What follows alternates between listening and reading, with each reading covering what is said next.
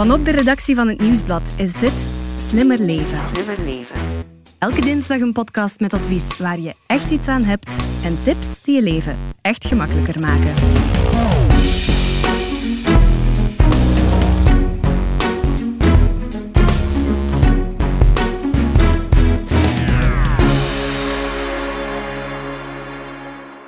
Zou allemaal quasi normaal moeten gaan verlopen, maar het wordt toch nog best spannend voor de kinderen, voor de ouders, ook voor de leerkrachten en directies. Want ook bij dit nieuw schooljaar blijft corona om de hoek loeren. Ik ben Stefanie Verhelst en bij mij zit viroloog Steven van Gucht. Dag meneer van Gucht. Goeiedag. We zitten voor de opname van deze podcast op locatie in een klas, de PAV-klas van het Go Atheneum in Denderleeuw. Want we gaan het dus hebben over het nieuwe schooljaar en corona. Hoe zal dat schooljaar eruit zien? Wat zijn de maatregelen die nog gelden? En we hebben ook heel wat vragen van luisteraars van de podcast en lezers van de krant. Alle antwoorden in deze aflevering van Slimmer Leven. Geen Elias vandaag, jullie zullen het met mij moeten doen, maar natuurlijk met een speciale gast voor dit onderwerp. Meneer Van Gucht, goeiedag. Fijn dat je tijd wil maken voor ons. Hoe gaat het met u? Goed, ja, ik heb verlof gehad. Ik ben ontspannen. Uh, ja, een beetje benieuwd ook, hè, hoe dat het nu verder gaat evolueren allemaal. Dus ja, het worden nog uh, interessante tijden, denk ik. Hè. Dat ging ik net zeggen. Ik ga ervan uit dat het nog gezellig druk blijft de komende tijd. Um, ja, ik vrees van wel. Het zal, zal, denk ik een druk najaar worden voor mij. Uh, enerzijds ja, heb je heel de coronapandemie, die nog altijd niet gedaan is, jammer genoeg. Langs de andere kant, ja, ik heb eigenlijk ook mijn, mijn gewone job, hè, die, die ik echt wel ten volle wil opnemen terug. En die combinatie dat kan wel een moeilijke worden, denk ik. Voor mij is het lang geleden dat ik uh, in een klaslokaal heb gezeten op een schoolbank. Hoe is dat voor u? Um, niet zo heel lang. Ik heb een zoon van 15 jaar. En af en toe zijn er nog wel eens oudercontacten. Of uh, in tijden van voor corona hadden we wel eens uh, nog een of ander schoolfeest uh, of ouderbijeenkomst. En dan zie je dat terug eens. Hè. Dus ik heb dat, die, ja, dat nostalgisch gevoel, dat keert dan inderdaad wel terug. Als je zo. Er is eigenlijk weinig veranderd in die klassen, moet ik zeggen. in al die decennia. soms is dat meubilair nog altijd hetzelfde. Het zijn niet altijd de meest moderne gebouwen ook. Uh, maar ja, dat brengt heel veel herinneringen terug. Ja. Sommige zaken veranderen, maar andere blijven toch altijd dezelfde, vind ik. Ja. Nu, we zijn hier vlak voor het nieuwe schooljaar, voor de start. En ik voel hier zo de spanning wel een beetje hangen hier in het gebouw. De leerkrachten, eh, meer dan 100, zitten hier blijkbaar onder ook nog te vergaderen. De premier heeft gezegd, 1 september wordt een nieuwe start voor ons allemaal. Hoe ziet u dat? Ja, het wordt sowieso een nieuwe start, hè. Uh, absoluut. Uh, maar ik denk dat je altijd wel met twee woorden gaat moeten spreken. Uh, we kunnen op dit moment nog niet garanderen dat alles 100% goed gaat verlopen. ik denk dat je al bij al gewoon moet zeggen dat die pandemie nog altijd niet gedaan is. dat is nog iets te vroeg, denk ik. We hebben nog een najaar en een winter te gaan. Als we die goed verteren, of misschien zelfs minder goed, dan denk ik dat we weer uh, een heel pak verder staan. En dat je geleidelijk aan naar een echte evenwichtssituatie uh, kan evolueren. Iets wat wij noemen een overgang van epidemie naar endemie. Dat is een situatie die je kent met andere virussen, maar dat je meer die pieken en die grote uitbraken gaat hebben. Maar dit najaar, ja, dat wordt nog zo ja, een moeilijke periode met veel onzekerheid. En hoe zijn de cijfers op dit moment? Zijn die bemoedigend of gaan die al richting wel, tussen de twee. Uh, we hebben een aantal maanden terug waren er voorspellingen en die zeiden van ja, eind augustus, begin september zouden we wel eens met een vierde golf kunnen zitten met zware belasting van de ziekenhuizen. Dat was onder andere een Europees rapport vanuit Stockholm van het ECDC dat verschenen is. Ik heb dat ook nog gepresenteerd en dat was toch redelijk uh, grim, vond ik. Uh, als je nu kijkt naar de cijfers, dan doen we toch een stuk beter dan die voorspelling. Dus dat is een goede zaak. Langs de andere kant zien we wel dat de besmettingen gestegen zijn, dat er 180 mensen op intensieve zorgen liggen, uh, ja, dat er nog altijd veel virus circuleert. En het schooljaar moet nog beginnen, uh, het najaar, de herfst moet nog beginnen. Uh, dus dat gaat een beetje afwachten zijn. Dus we zitten een beetje tussen de twee. Voorlopig zeker niet het ergste scenario, absoluut niet. Eh, maar het is ook niet dat het virus verdwenen is, hè, in tegendeel. Nu, laat ons de maatregelen voor dat nieuwe schooljaar is overlopen. Um, algemeen gaat het er eigenlijk over dat op alle scholen in Vlaanderen voor iedereen voltijdsles gegeven zal worden. Uh, op school, hè, dat is ook een, een, belangrijke. Dus voor kleuters in de lagere school, het middelbaar, het hoger, de universiteit en ook het volwassen onderwijs, het deeltijds kunstonderwijs, dat gaat allemaal normaal kunnen verlopen.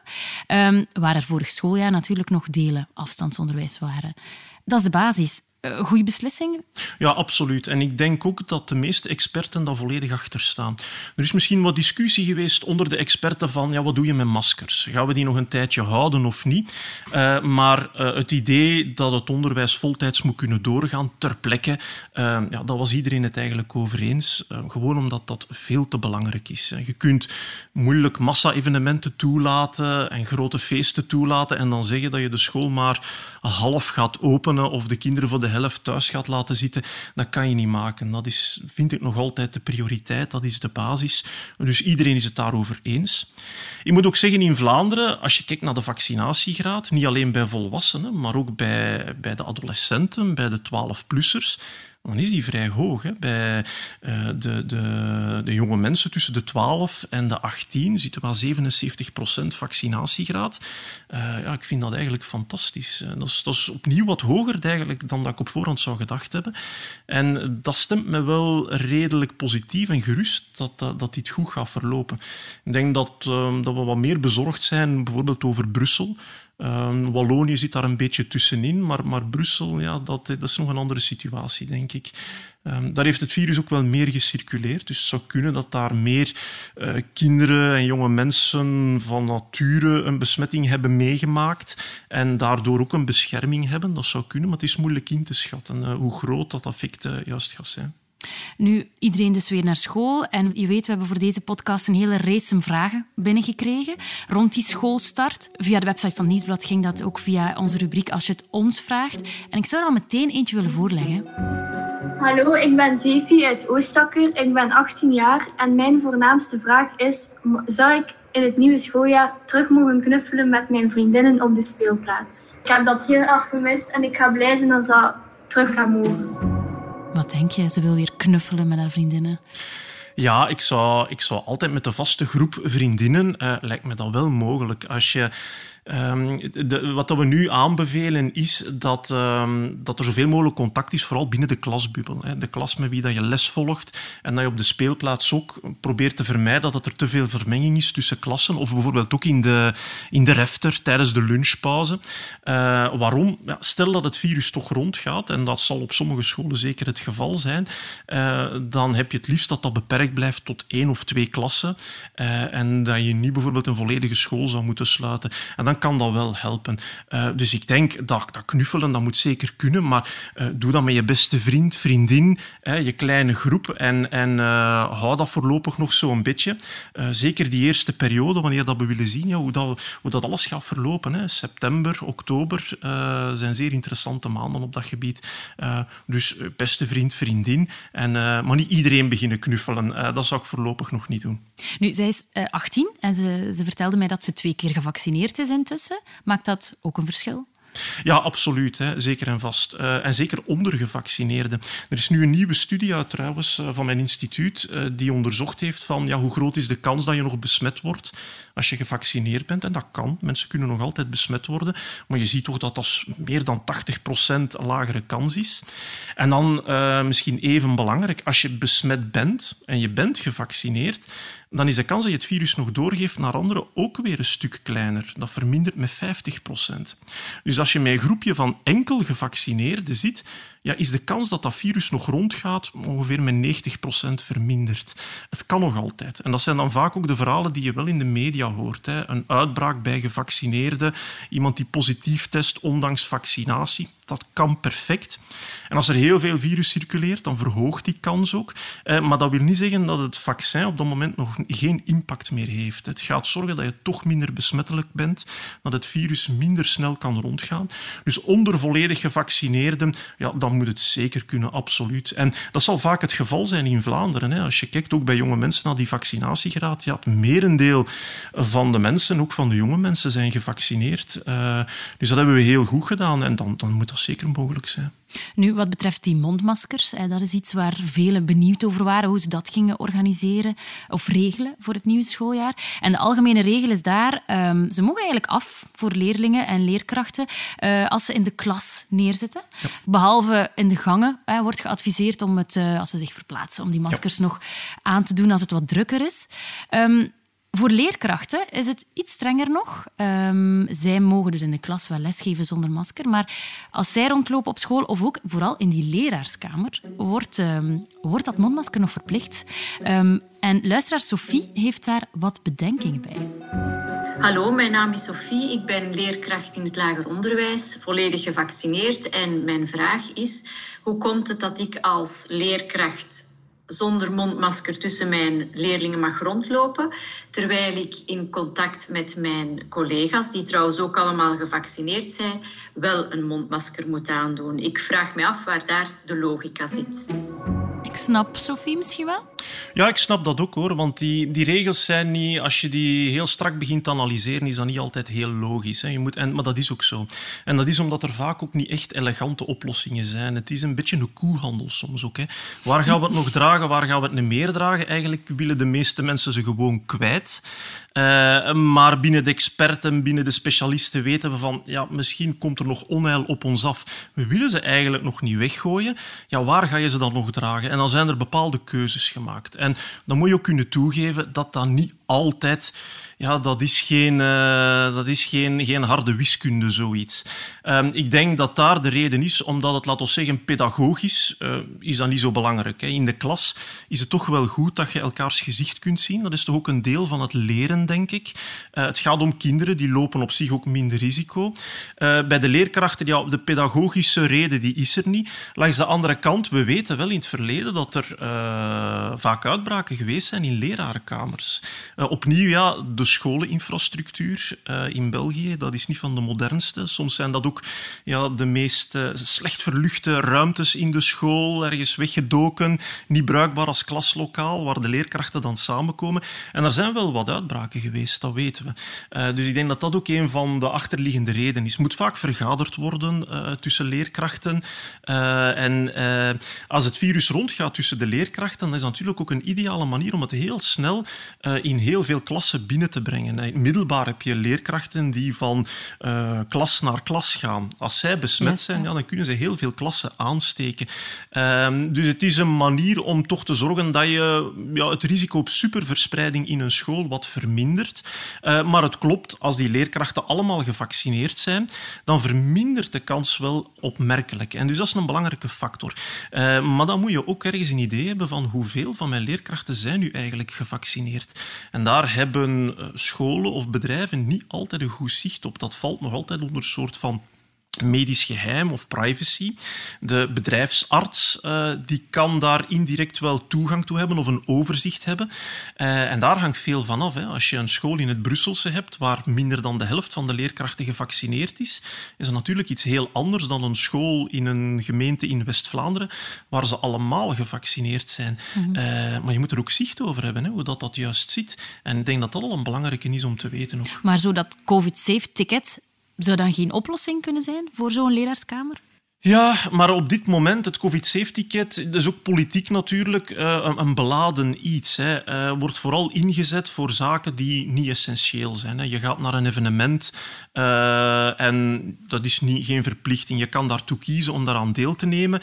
En dan kan men vragen om zo'n COVID-safe-ticket te presenteren. Op dit moment is er denk ik weinig draagvlak om dat te gaan gebruiken voor zaken die echt essentieel zijn, zoals gaan werken of het openbaar vervoer of, of zelfs naar de winkel gaan. Uh, ik denk dat dat, dat heel moeilijk ligt. Uh, theoretisch zou je kunnen zeggen, ja, natuurlijk zou dat kunnen gebruikt worden, maar ik denk dat er andere, andere zaken uh, meespelen ook, en die meer principieel zijn van, ja, we willen geen pasjesmaatschappij. Het wordt wel gebruikt, maar dat gaat dan vaak ja, voor zaken die niet levensnoodzakelijk of noodzakelijk zijn. Mm -hmm. hè. Mhm. De, de peper en het zout in het leven, zou ik zeggen. Mm -hmm. De evenementen. En je hoeft daar niet naartoe te gaan. Hè. Uh, en als je daar naartoe gaat, ja, kan je met dat COVID-safe-ticket toch voor zorgen dat het iets veiliger verloopt. Oké, als we even verder kijken naar de maatregelen. Ehm, de speelplaats bijvoorbeeld. De regel is daar dat eigenlijk voor iedereen het mondmasker af mag. De lunch middags mag ook gewoon weer in de refter. Liefst zowel binnen de klasgroep blijven zitten. Uh, en voor sommige ouders wordt het ook weer fijn, want ze kunnen warm eten op school, de kinderen. Maakt het, uh, het regelen toch weer wat makkelijker. Um, nu, voor spe specifieke lessen, zoals LO, lichamelijke opvoeding, die kunnen ook weer helemaal doorgaan. En de regel is daar zoveel mogelijk buiten. De kleedkamers mogen ook weer gebruikt worden. En daar kwam ook nog een vraag over binnen op ons antwoordapparaat. Goeiedag, mijn naam is Johan. Ik ben leraar lichamelijke opvoeding op de bovenbouw Sint-Michiel te Leopoldsburg. Ik geef allo aan jongens en meisjes van 14 tot 18 jaar. Mijn vraag is: mogen de leerlingen zich zonder mondmasker omkleden voor de les allo of is hier het dragen van het mondmasker verplicht? Dus het sporten zelf mag zonder mondmasker. De verplaatsing naar de sportzaal soms met mondmasker. Maar wat zou je dan adviseren bij dat omkleden? Het is behoorlijk specifiek, maar ik snap hem wel. Ja, ik denk ook, het hangt ook weer een beetje af van die kleedkamer. Hè. Ik herinner me nog uh, in mijn tijd dat die kleedkamers dat waren ook weer de kleinste, meest bedampte hokken van uh, heel de school. Uh, dus daar zou ik eigenlijk mee rekening houden. Kan men wat afstand houden van elkaar? Ja, dan moet dat kunnen. En, en verluchting. Hè. eigenlijk, dat is misschien iets waar we nog niet over gesproken hebben, maar dat is eigenlijk een cruciale. zorgen dat die ruimtes goed en continu verlucht zijn. En dan heb je al heel veel risico weggenomen. En een kleedkamer, dat herinnert dat kon toch echt wel een stinkende, vochtige plaats zijn. Uh, dus als dat zo is, dan zou ik zeggen, doe het met een mondmasker. Uh, als dat een goed verluchte ruimte is en uh, men kan wat afstand houden, je ziet dat echt niet op elkaar gepropt gelijk sardine, dan kun je dat overwegen. Het is ook iets, denk ik, dat je met de preventieadviseur moet bekijken op de school. want opnieuw, elke school gaat anders zijn. Die lokalen, soms zullen die zeer goed verlucht zijn, soms niet. En dan moet je gewoon met rekening houden, denk ik. Nu, wij zitten hier in een relatief groot, ruim lokaal. Um, ramen die eigenlijk allemaal open kunnen. De gang uh, heeft ook ramen die ook open kunnen. Dus ik vermoed dat dat een beetje tocht kan geven. Um, de bedoeling is eigenlijk dat scholen dat, en wat jij net zei, de preventieadviseurs daar een beetje een inschatting van maken, school per school, gebouw per gebouw. Die luchtkwaliteit, hè, hoe het daarmee zit. Die verplichte CO2-meters, die zijn er niet gekomen, bijvoorbeeld. Hè? Nee, uh, zover is men niet gegaan. Alhoewel dat ik het idee van zo'n CO2-meter uh, wel een goed idee vind. Dat is, ja, ons principe is altijd meten is weten. Alles begint daarmee eigenlijk. Mensen die willen afvallen, die weten dat ook heel goed. Hè. Als de beste manier om af te vallen is al te beginnen met je lichaamsgewicht te meten en dat op te volgen. Meestal is dat stap 1 uh, genereren en dan kan je verder bouwen. En dat is eigenlijk hetzelfde met die CO2-meters. Je moet een idee hebben van hoe zit dat eigenlijk in mijn school, in mijn verschillende klassen. Zijn daar verschillen? Zijn er klassen waar dat dan moeilijker is dan in andere klassen? Uh, welke ingreep werkt, welke werkt niet? En dat moet je gewoon meten. En dat begint met zo'n CO2-meter. Dat is een handig toestelletje daarvoor. Uh, de klas waar dat we hier nu zitten, inderdaad, is vrij ruim. Veel ramen. Uh, en je kan ze ook gekruist openzetten. Hè. Je hebt de ramen aan de buitenkant van het gebouw, maar dan ook naar de gang toe. Dus ik kan me wel voorstellen hier, uh, zolang dat, dat ook niet propvol met, uh, met leerlingen zit, dat het hier nooit een probleem zal zijn. En dan kun je de vraag stellen, moet je hier standaard een CO2-meter zetten? Op zich is dat nooit slecht, uh, maar ik denk dat de discussie daarover gaat. Mm -hmm. uh, wanneer we het hier graag cool willen houden. Uh, dus ja, we moeten daar nog veel van leren, maar ik denk wel dat het belangrijk is. Als je uren met elkaar in één ruimte doorbrengt, zonder masker, dan, dan kan dat wel zijn dat die lucht zich op de duur echt begint te beladen met virusdeeltjes. Mm -hmm. En dan kan je ja, ook mensen besmetten die vier, vijf meter van jou zitten. Uh, dus dan kan het wel snel gaan. Uh, dus ik denk dat dat wel een goed idee is. De maskers vroeger werden ook daarvoor wat gebruikt. Omdat een masker verhindert dat niet volledig, maar het gaat wel een deel van uw virusdeeltjes, uh, de druppeltjes wat virus in zit, absorberen. Vooraleer dat die eigenlijk kunnen beginnen uitwaaieren in de lucht en aerosol vormen. Mm -hmm. uh, opnieuw, dat is niet 100%. Het gaat het niet 100% vermijden, maar het helpt wel een beetje. en alle beetjes helpen. Ja, wel, luisteraar Thomas heeft eigenlijk een vraag die erbij maar uh, ik laat hem even horen. Hallo, ik ben Thomas en ik ben leerkracht Nederlands in het vijfde middelbaar. Ik vroeg mij af wat het nu eigenlijk juist is met de regels in verband met het ontsmetten en de ventilatie van de klaslokalen in het nieuwe schooljaar. Is er iets wat wij extra moeten doen of is het juist minder dan vorig schooljaar? Kan je me helpen? Dankjewel. Ja, hij wil zo'n beetje de vergelijking maken met, met het vorige schooljaar. Hoe zie jij dat? Um, wel, wat dat ventilatie betreft, ja, we hebben daar vorig jaar ook wel al op gedrukt. Hè. Uh, dus ik zal daar vooral mee verder gaan en dat proberen nog te verbeteren. En misschien nog meer in te zetten op CO2-meters. Uh, wat betreft ontsmetten, ja, dat, uh, ik moet eerlijk zeggen, ik ken niet de fijne regels die er waren rond wat moet je nu ontsmetten en hoe vaak. Ehm, maar ik denk dat dat wat gelijkaardig zal zijn als vorig jaar. Ik weet wel dat in het eh, Vlaamse protocol staat dat bijvoorbeeld speeltuigen niet meer moeten ontsmet worden buiten. Dus dat is bijvoorbeeld iets dat wegvalt. Ik denk dat dat ook oké is. In de klas, ja, de veel aangeraakte uh, oppervlakten. En dan denk ik bijvoorbeeld aan de deurklink. Mm Dat is eentje dat toch heel veel mensen aankomen. Dus je moet ook opnieuw een beetje een risicoanalyse mhm. maken. Wat zijn hier oppervlakten die door heel veel mensen aangeraakt worden? En dan denk ik dat het altijd een goed idee is om die regelmatig is te ontsmetten. Ik denk dan vooral aan een deurklink, uh, een lichtknop bijvoorbeeld. Uh, misschien ja, een bordenwisser of zoiets. Ja, mhm. de, de, leerkrachten weten dat beter dan ik. Hè. Maar dat is wat je moet aan denken. Uh, standaard alle bureaus gaan ontsmetten. Goh, ik weet niet dat dat veel uitmaakt. Uh, maar je moet vooral denken aan de oppervlakte die door verschillende mensen vaak aangeraakt worden. En dat zijn er niet zo heel veel hoor. En dan, dan blijft het altijd een goed idee om die regelmatig te ontsmetten. Om nog eens terug te komen op die ventilatie. Uh, we, gaan richting herfst, winter. De temperaturen worden wat minder. Elke dag dikke truiendag dan? Uh, ja, we gaan natuurlijk zien hoe dat, verder evolueert. Hè. Uh, september, oktober, november komt op ons af. Het zal misschien nog niet heel koud zijn dan, we zullen zien. Uh, dan gaat die ventilatie nog een beetje lukken. Als het echt hard begint te vriezen, dan wordt dat natuurlijk weer een moeilijke zaak. Mhm. Nu, tegen dan zijn we weer een heel eind verder. Hè. Dan gaan we vooral ook moeten kijken naar de cijfers. Uh, maar ik, ik zou toch wel blijven inzetten op die ventilatie. Uh, en misschien dat men tegen dan ook al wat verbeteringen heeft aangebracht. Uh, in, in, of men meer kennis heeft over klaslokalen, waar het een probleem is en waar het nooit een probleem is. Maar die dikke trui, ja, ik zou ze zeker nog niet wegsmijten. Nee. nee. Het is ook het is niet alleen opnieuw voor COVID interessant interessant. Hè? Ook uh, misschien een beetje een energiebesparing uh, voor de scholen. Want dat is, dat is natuurlijk waar het grote knelpunt zit. Hè. Um, het staat lijnrecht tegenover elkaar. Uh, continue verluchting, zeker op een natuurlijke manier, open ramen. En tegelijkertijd ook je, je stookoliefactuur of je energiefactuur naar beneden krijgen en je CO2-uitstoot verminderen. De CO2-uitstoot dan van fossiele brandstoffen. Mm -hmm. Dat is een hele moeilijke. Wij hebben in de voorbije jaren heel hard gefocust op het energie zuinig maken van onze gebouwen, zorgen dat we die energiekost naar beneden krijgen, uh, die verwarmingskost naar beneden krijgen. En daardoor werd meestal alles ja, potdicht uh, mm. afgestopt en vaak minder goed verlucht. in heel moderne gebouwen kan je de twee perfect verzoenen. Hè?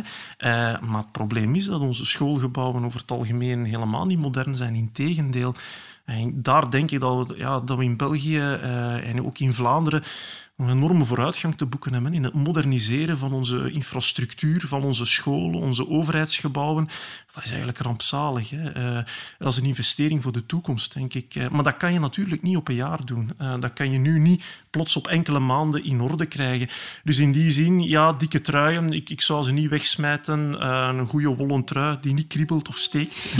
dat zijn de beste, denk ik. Een of, of, een vliesdekentje. Ehm, ja, en opnieuw, ja, het is voor milieu is dan ook weer iets beter, denk ik, als je daardoor ook de, de, de verwarming minder hoog moet zetten.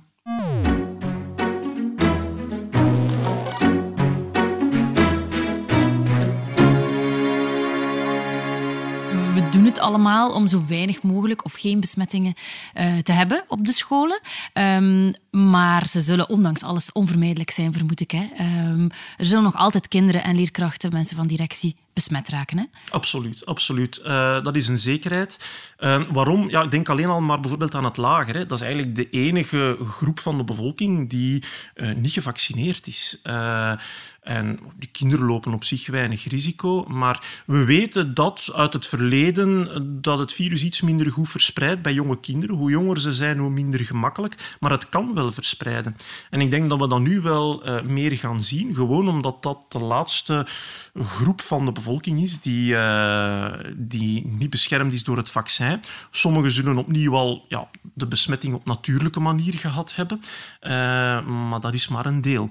dus dat is een plaats waar het virus nog altijd fel kan rondgaan en dat zal ook gebeuren, denk ik, in die lagere scholen.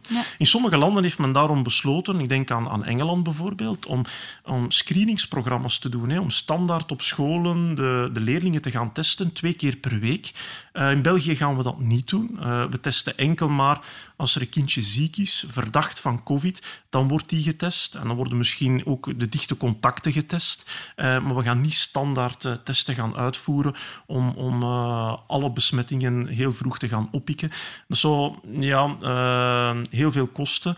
En dat, dat kan ook wel een belasting zijn natuurlijk voor, voor de scholen en voor de leerlingen. Nu, de regels daar zijn nog niet helemaal duidelijk hè, rond quarantaine, rond testen, wanneer wel of niet. De bedoeling is dat eigenlijk, een beetje zoals vorig schooljaar Een beetje de risicocontacten dan in kaart brengt. Maar hoe ga je daar dan als school uh, het beste mee om? Of, of zelfs als ouder, hè, want je weet ook dat het kan gebeuren daar. Ja, wel, als ouder zou ik zeggen, zorg dat je gevaccineerd bent. Besef dat als je jonge kinderen hebt die naar de kinderopvang gaan gaan, die naar het lager gaan gaan, dat de kans bestaat dat die met virus thuiskomen. En dat, je dat, dat de kans ook bestaat dat je dat niet gaat merken. Dat die kinderen daar zelf heel weinig last van hebben. Nu is heel belangrijk, laat u vaccineren als ouder, als grootouder. Nu, dat is heel vaak al het geval in Vlaanderen. Dus ik preek hier natuurlijk wat voor de bekeerden. Mhm. Eh, het is wel anders, bijvoorbeeld in Brussel. Hè. En dat zijn zaken die ons echt wel verontrusten. Uh, dus uh, regel 1 is, zorg dat je als ouder, als grootouder, zelf gevaccineerd bent. Dat is heel belangrijk. En dan voor de kinderen, voor de scholen. Ehm, wel, ook daar het virus zal rondgaan, uh, maar het is wel goed als het uh, dan eens uitbreekt dat het beperkt blijft tot één klas. Dus het principe van de klasbubbel voorlopig vind ik nog altijd heel nuttig. Um, en verder, ja, wat ga je doen met testen? Wel, sowieso wordt er enkel maar getest wanneer er echt een verdenking is. Dus een kind met symptomen of uh, een kind dat bijvoorbeeld in een gezin woont waar moeder of vader positief heeft getest, COVID heeft, ja, dat kind wordt dan zelf een hoog risicocontact. Dat zal ook getest worden. Uh, in het lager is het zo dat men de klas in principe niet gaat sluiten, omdat er één kindje met COVID is.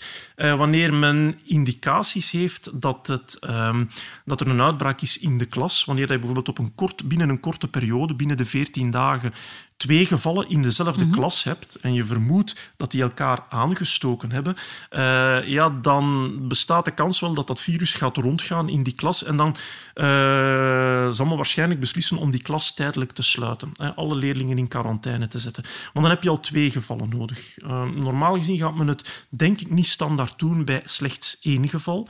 en dan gaan de andere kinderen worden beschouwd als een soort van laag risicocontact in de klas. Dan gaat die wel nauwgezet opvolgen. Uh, het is misschien ook een goed idee dat die tijdelijk niet deelnemen aan hobby's, uh, zoals dat vorig jaar ook was. Om even te bekijken van, ja, gaan er hier nu nog nieuwe gevallen komen of niet. Uh, maar daar ook ja, zorgen dat we niet te snel reageren, dat je niet onnodig snel klassen gaat sluiten. Uh, maar ja, als je ziet dat het rondgaat, dan is het net wel beter, denk ik, om tijdig in te grijpen. Vooral om de rest van de school ook te beschermen, zodanig dat uh, de impact beperkt blijft. En in het middelbaar gelden eigenlijk de regels zoals je die voor volwassenen kent. Hè. Als je een positief geval hebt, een positieve student, uh, dan ga je kijken met wie heeft die dicht contact gehad, wie zijn de knuffelcontacten. Hè. En wat is, zijn die gevaccineerd of niet? Dat is ook heel belangrijk. En dan gelden diezelfde regels als voor volwassenen. Dat was vorig jaar wel vaak heel vervelend hè, voor ouders. Als er in de klas uh, van de kinderen iemand besmet was, dan moesten hele groepen in quarantaine, moesten die thuis zitten, via de computerles volgen, weer in geregeld met het werk enzovoort. Uh, maar eigenlijk zijn die scenario's onvermijdelijk ook voor het komend schooljaar. Ja, en uh, je kunt zeggen van ja, maar als het niet erg is voor die kinderen, waarom doen we dat eigenlijk allemaal nog? en ik, ik denk als je niet stopt met testen, dan ga je blind beginnen varen. En sowieso ga je uitbraken krijgen. En uh, als je grote uitbraken krijgt op een school, dan bestaat de kans dat die school sowieso gaat moeten sluiten. We zien dat zelfs met griep. Hè, dat gebeurt al eens uh, in, een, in een griepseizoen. Dat uh, heel veel leerkrachten ziek zijn en thuis blijven omdat ze hoofdpijn hebben of met hoest lopen. En dan, dan moet de school sowieso sluiten of heel veel klassen gaan dicht. Dat kan je met griep zelfs al hebben. Dus als je nu met COVID gaat zeggen van goh, al dat testen, al die quarantaines, we doen dat niet meer. Want de ouders zijn toch beschermd en voor de kinderen is het niet zo erg. Ehm, dan ga je blind varen, je gaat grote uitbraken krijgen. En uiteindelijk bestaat de kans toch dat zo'n school dicht gaat gaan en dat je met de kinderen toch thuis zit. Dus ik denk dat het daarom beter is van in, in deze fase toch nog altijd tijdig in te grijpen, zorgen dat je op tijd een beginnende uitbraak bij de lurven vat en reageert, zodanig dat je juist de rest van de school kan beschermen en uh, dat de impact ook voor de, de andere ouders van de andere klassen uh, minder groot is. Uh, dus in deze fase zou ik zeggen, laat ons dan nog, nog, nog volhouden. en dan gaan we geleidelijk aan, gaat dat ook weer kunnen bijgesteld worden. Binnen enkele maanden gaan we weer veel meer weten van de nieuwe risico's of de overblijvende risico's, dat is misschien een betere woord. En dan kan je eventueel nog bijstellen. Weet u trouwens wat het plan is qua vaccineren van kinderen jonger dan 12? We zitten nu zo aan die grens van 12-jarigen. Hoe gaat dat voortverlopen? Uh, wel, ik kan er voorlopig eigenlijk nog niet zoveel van zeggen. Ik heb daar nog geen uh, finale adviezen van gehoord. Uh, ik denk dat dat een, uh, een moeilijke is. Hè. Het risico van het vaccin is heel klein. Maar het risico van het virus bij die kinderen is ook heel klein. En daar gaat het hem eigenlijk over. Dus dan, dan moet je keuzes maken. Uh, dat zal verschillen van land tot land. In België heeft zich daar nog niet over uitgesproken. Uh, de Engelsen, heb ik de indruk, zijn niet heel geneigd om het te doen. In de Verenigde Staten, denk ik, gaan ze het wel doen. Uh, dus het, je ziet dat dat verschilt van land tot land. Um, ik denk dat we ook gaan moeten zien hè, hoe dat de komende maanden verder verlopen. maar het komt erop neer dat beide risico's eigenlijk heel klein zijn. Uh, persoonlijk, ja, ik ben pro-vaccinatie. Mijn zoon is ook gevaccineerd. Uh, de vaccins zijn heel veilig, zijn heel werkzaam. Langs de andere kant, bij die jonge kinderen, voor de kinderen zelf, is het risico niet zo groot. En een natuurlijke besmetting is op zich ook wel uh, een goede training van het immuunsysteem. Hè. ik, ik geloof persoonlijk dat de combinatie heel sterk is. maar het liefst dan eerst vaccineren en dan later is blootgesteld worden aan virus. Ik denk dat dat een heel volledige immuniteit kan geven. Uh, maar zeker bij mensen die dan wel meer risico lopen, is het belangrijk dat je de volgorde juist hebt. Zorg eerst dat je gevaccineerd bent, dat je die basisimmuniteit hebt, die je beschermt tegen ernstige ziekten. En dat er dan af en toe nog eens een virus in de neus komt, op termijn, ja, dat is een manier waarop ons immuunsysteem getraind blijft, gestimuleerd blijft. Uh, het is natuurlijk een andere zaak voor mensen die meer risico lopen. En dan denk ik aan het andere uiterste. Je hebt de jongsten, maar je hebt de oudsten. Uh, en daar denk ik dat misschien toch wel ook belangrijk is om naar die derde dosis te gaan. Uh, want dat zou wel eens kunnen als dat virus in de neus komt, dat het uh, soms toch nog wel eens nare gevolgen heeft. dus die leeftijd is heel belangrijk. Bij de allerjongsten, kinderen jonger dan 12 jaar, ja, het is een moeilijke zaak. Hè. het is echt afwegen en voorlopig heb ik daar nog geen finaal advies van gezien. Nu, wat ik mijzelf als ouder afvraag, ik heb ook kleine kindjes, een kleuter, een eerste kleuterklas vorig schooljaar. Um, de kans is toch reëel dat hij dat ook al heeft doorgemaakt. Uh, zijn er cijfers van, van hoeveel van die kleinere kinderen eigenlijk de ziekte al hebben doorgemaakt, zonder dat we daar veel van gemaakt hebben? Wel, we hebben daar in het verleden al wat cijfers over verzameld, maar die zijn ondertussen wel achterhaald. We zijn nu al vele maanden verder en uh, dan zag je dat er inderdaad besmettingen zijn geweest uh, bij jonge kinderen. En dat volgt zo'n beetje de besmettingen in de volwassen bevolking. 10, 20 procent uh, positief. Maar dan spreek ik nu al over vele maanden terug. Uh, nu, er gaan nieuwe studies gebeuren, er gaan nieuwe data komen. Heel recente data heb ik nu niet meer gezien. Maar ik ga ervan uit dat dat inderdaad nog gestegen is. Uh, misschien zit dat nu rond de 30 misschien zelfs 40 procent, is heel moeilijk te zeggen. Uh, maar dat speelt meer en meer een rol natuurlijk. Hè. Uh, maar ik denk dat er wel nog altijd heel veel kinderen zijn die uh, niet besmet zijn geweest. dus er is nog altijd wel brandstof voor het virus. Niet alleen bij kinderen trouwens, hè, ook bij volwassenen. Een beetje verschillend van regio tot regio. En dat is juist de reden waarom dat we denken dat er nog altijd wel uh, golven of nieuwe golven van besmettingen en ziekenhuisopnames mogelijk zijn. Er gaan sowieso nog cijfers over verschijnen, hoor, ook bij jongere kinderen. Uh, maar het zou me verbazen dat we daar 70, 80 procent bereiken. Dat denk ik echt niet. Uh, een tijd terug, ik herinner mij vroegere studies, dan zag je dat dat ongeveer de besmettingsgraad in de algemene bevolking volgde. soms wat lager, iets lager zelfs. Ondertussen zal dat eerder gelijkaardig zijn, denk ik. Maar wat zitten we ongeveer? Ja, dat zal wel meer dan 30 procent zijn, denk ik. Nu, de grote lijnen qua maatregelen hebben we intussen gehad. Die hebben we netjes overlopen, dat is allemaal duidelijk. Maar er zijn nog zo'n paar losse vragen die we een paar keer hebben zien binnenkomen van onze luisteraars en die toch wel interessant zijn. Eén daarvan gaat natuurlijk over de vergelijking van die grotere evenementen uh, die weer mogen met honderden mensen samen. En ja, mensen die zich dan afvragen of dat wel klopt. Hè. Als je het vergelijkt met het onderwijs bijvoorbeeld, waar nog hè, die maskers op sommige plaatsen moeten, uh, waar er soms nog overwogen wordt om een schoolquiz digitaal te laten verlopen komend twijfels nog over het schoolfeest of de barbecue. Ja, klopt dat wel? Uh, ja, dat, dat komt inderdaad heel raar over. Hè. Ik begrijp dat. Uh, maar de reden is eigenlijk dat we onderwijs te belangrijk vinden. Hè, om dat dan volledig los te laten en te zeggen van doe maar. Uh, het is juist omdat onderwijs uh, zo prioritair is dat je dan nog voor een stukje wilt beschermen. Uh, zodanig dat je het vooral kan laten doorgaan. Hè. Dat je geen scholen moet sluiten omdat er grote uitbraken zijn. En je moet heel goed beseffen, het sluiten van scholen hoeft niet noodzakelijk een beslissing van de overheid te zijn of van de gezondheidsinspecteur. als je de zaak op zijn beloop laat, is dat meestal iets dat spontaan gebeurt, want dat weten we in het verleden met de griep.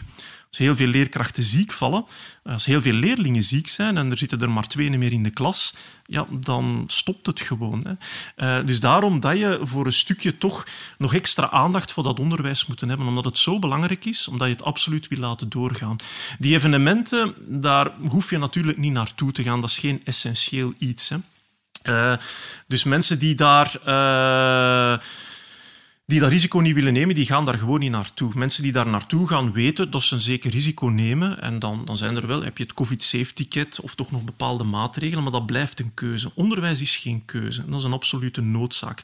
Dat is een beetje hetzelfde verhaal voor het bedrijfsleven, voor de werkvloer en voor openbaar vervoer. We moeten dan met z'n allen aan deelnemen. En dan moet je beseffen dat er mensen zijn, ik krijg daar vaak e-mails van, hè, die nog altijd eh, met vrij veel schrik zitten, hè, die zich echt niet gerust voelen omdat ja, heel de maatschappij nu meer en meer open wordt gesteld. Politici gaan altijd misschien net iets sneller dan dat de wetenschappers graag hadden gezien. Mensen weten dat ook. En voor sommige mensen is dat beangstigend. Hè. En die, die riskeren juist van, van zich te gaan opsluiten, van er meer buiten te komen. Je moet daarmee rekening houden. En daarom dat je bijvoorbeeld in de winkel, op het openbaar vervoer, maar ook in het onderwijs, uh, toch probeert om nog wat maatregelen te handhaven, om de vinger aan de pols te houden, zodanig dat je het uh, veilig houdt voor elkaar en ook voor die mensen die misschien terecht wat meer schrik hebben, omdat ze een zwak immuunsysteem hebben, omdat ze onderliggende aandoeningen hebben. En zo zijn er heel wat. Hè. Mm. Uh, er zijn andere mensen die het allemaal maar niks vinden en die geen probleem hebben om eventueel eens dat virus op te lopen. Maar er zijn er ook andere. En dit soort plaatsen, ja, dan moet iedereen op een, een veilige en geruste manier kunnen aan deelnemen. Ja, um, het is iets wat er een beetje bij aanleunt. Een, een, vraag die ook een paar keer is teruggekomen. Luisteraar Sabine zit ermee, een soort ongerustheid. Ze heeft het ingesproken op de voicemail. Hallo, hallo, ja, ik ben Sabine.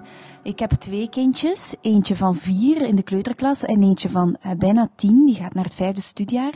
En die zijn wel super enthousiast om terug naar school te gaan. Maar goh, ik maak me wel wat zorgen, want um, het is dan vakantie geweest en die hebben kampjes gedaan. En heel veel mensen hebben toch ook op reis geweest en met andere mensen samen geweest en zo. En och, ik maak me wel wat zorgen, want die gaan dan weer allemaal samen zitten in zo'n klaslokaal.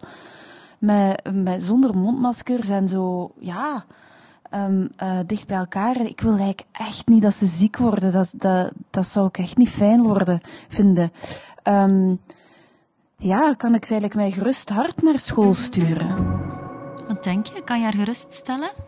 Ja, toch wel. Um, ik, ik, denk dat er sowieso inderdaad al redelijk wat besmettingen geweest zijn deze zomer. Hè. Uh, op de kampen, op de familiefeesten enzovoort. En bij die jonge kinderen is dat misschien goed als ze al een zekere bescherming hebben tegen dat het schooljaar begint.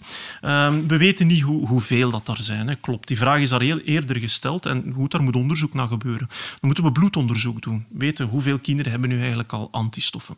Langs de andere kant, ik denk voor de kinderen zelf zou ik mij als ouder echt niet te veel zorgen maken. Kindje van vier, um, kind van tien jaar. We weten dat die gewoon een goed immuunsysteem hebben, dat die die infectie meestal heel goed verdragen. Af en toe zijn er wel eens complicaties, hè. maar dat zie je bijvoorbeeld met de griep ook. Hè. Misschien dat dat met corona volgens sommige studies net iets hoger kan zijn, uh, maar toch niet zoveel hoger. En ook als we naar onze Belgische statistieken kijken, ik heb nog eens recent gekeken naar de, de statistieken van de ziekenhuisopnames, dan zie je dat eigenlijk over de hele lijn dat aantal kinderen dat opgenomen wordt in het ziekenhuis, dat dat heel beperkt is en blijft. Dus op dat gebied maak ik me niet te veel zorgen. Uh, en als ouder, wat kan je vooral doen? Zorg dat je als gevaccineerd bent. Dat is heel belangrijk. En de grootouders gevaccineerd zijn. Meestal gaat dat het geval zijn. Als je als ouder al ongerust maakt over je kind, dat zijn meestal ook de mensen die zichzelf hebben laten vaccineren. Meestal gaat dat hand in hand. Hè. Mensen die zich eigenlijk allemaal weinig zorgen in maken, uh, zijn ook mensen die minder geneigd zijn om zich te laten vaccineren. Uh, maar nee, dat komt denk ik wel goed. Uh, maar hou daar rekening mee dat er besmettingen gaan zijn mm. en dat er af en toe wel eens een klas zal gesloten moeten worden. Ik denk dat dat een goeie is om af te sluiten. Meneer Van Gucht, hartelijk bedankt voor uw tijd en uw uitleg. Graag gedaan. En ik wil nog even de directie van het Go-Atheneum hier in Denderleeuw ook hartelijk bedanken voor hun gastvrijheid. Dit was de podcast Slimmer Leven van het Nieuwsblad. Slimmer Leven. De presentatie was in handen van mezelf, Stefanie Verhelst. De audioproductie gebeurde door Pieter Schrevens van House of Media. De eindredactie werd in goede banen geleid door Bert Heijvaart. Wil je reageren? Dat kan op slimmerleven.nieuwsblad.be. Als je deze podcast leuk vond, schrijf dan gerust een review op je favoriete podcastkanaal. Zo toon je ook anderen de weg. Alvast bedankt.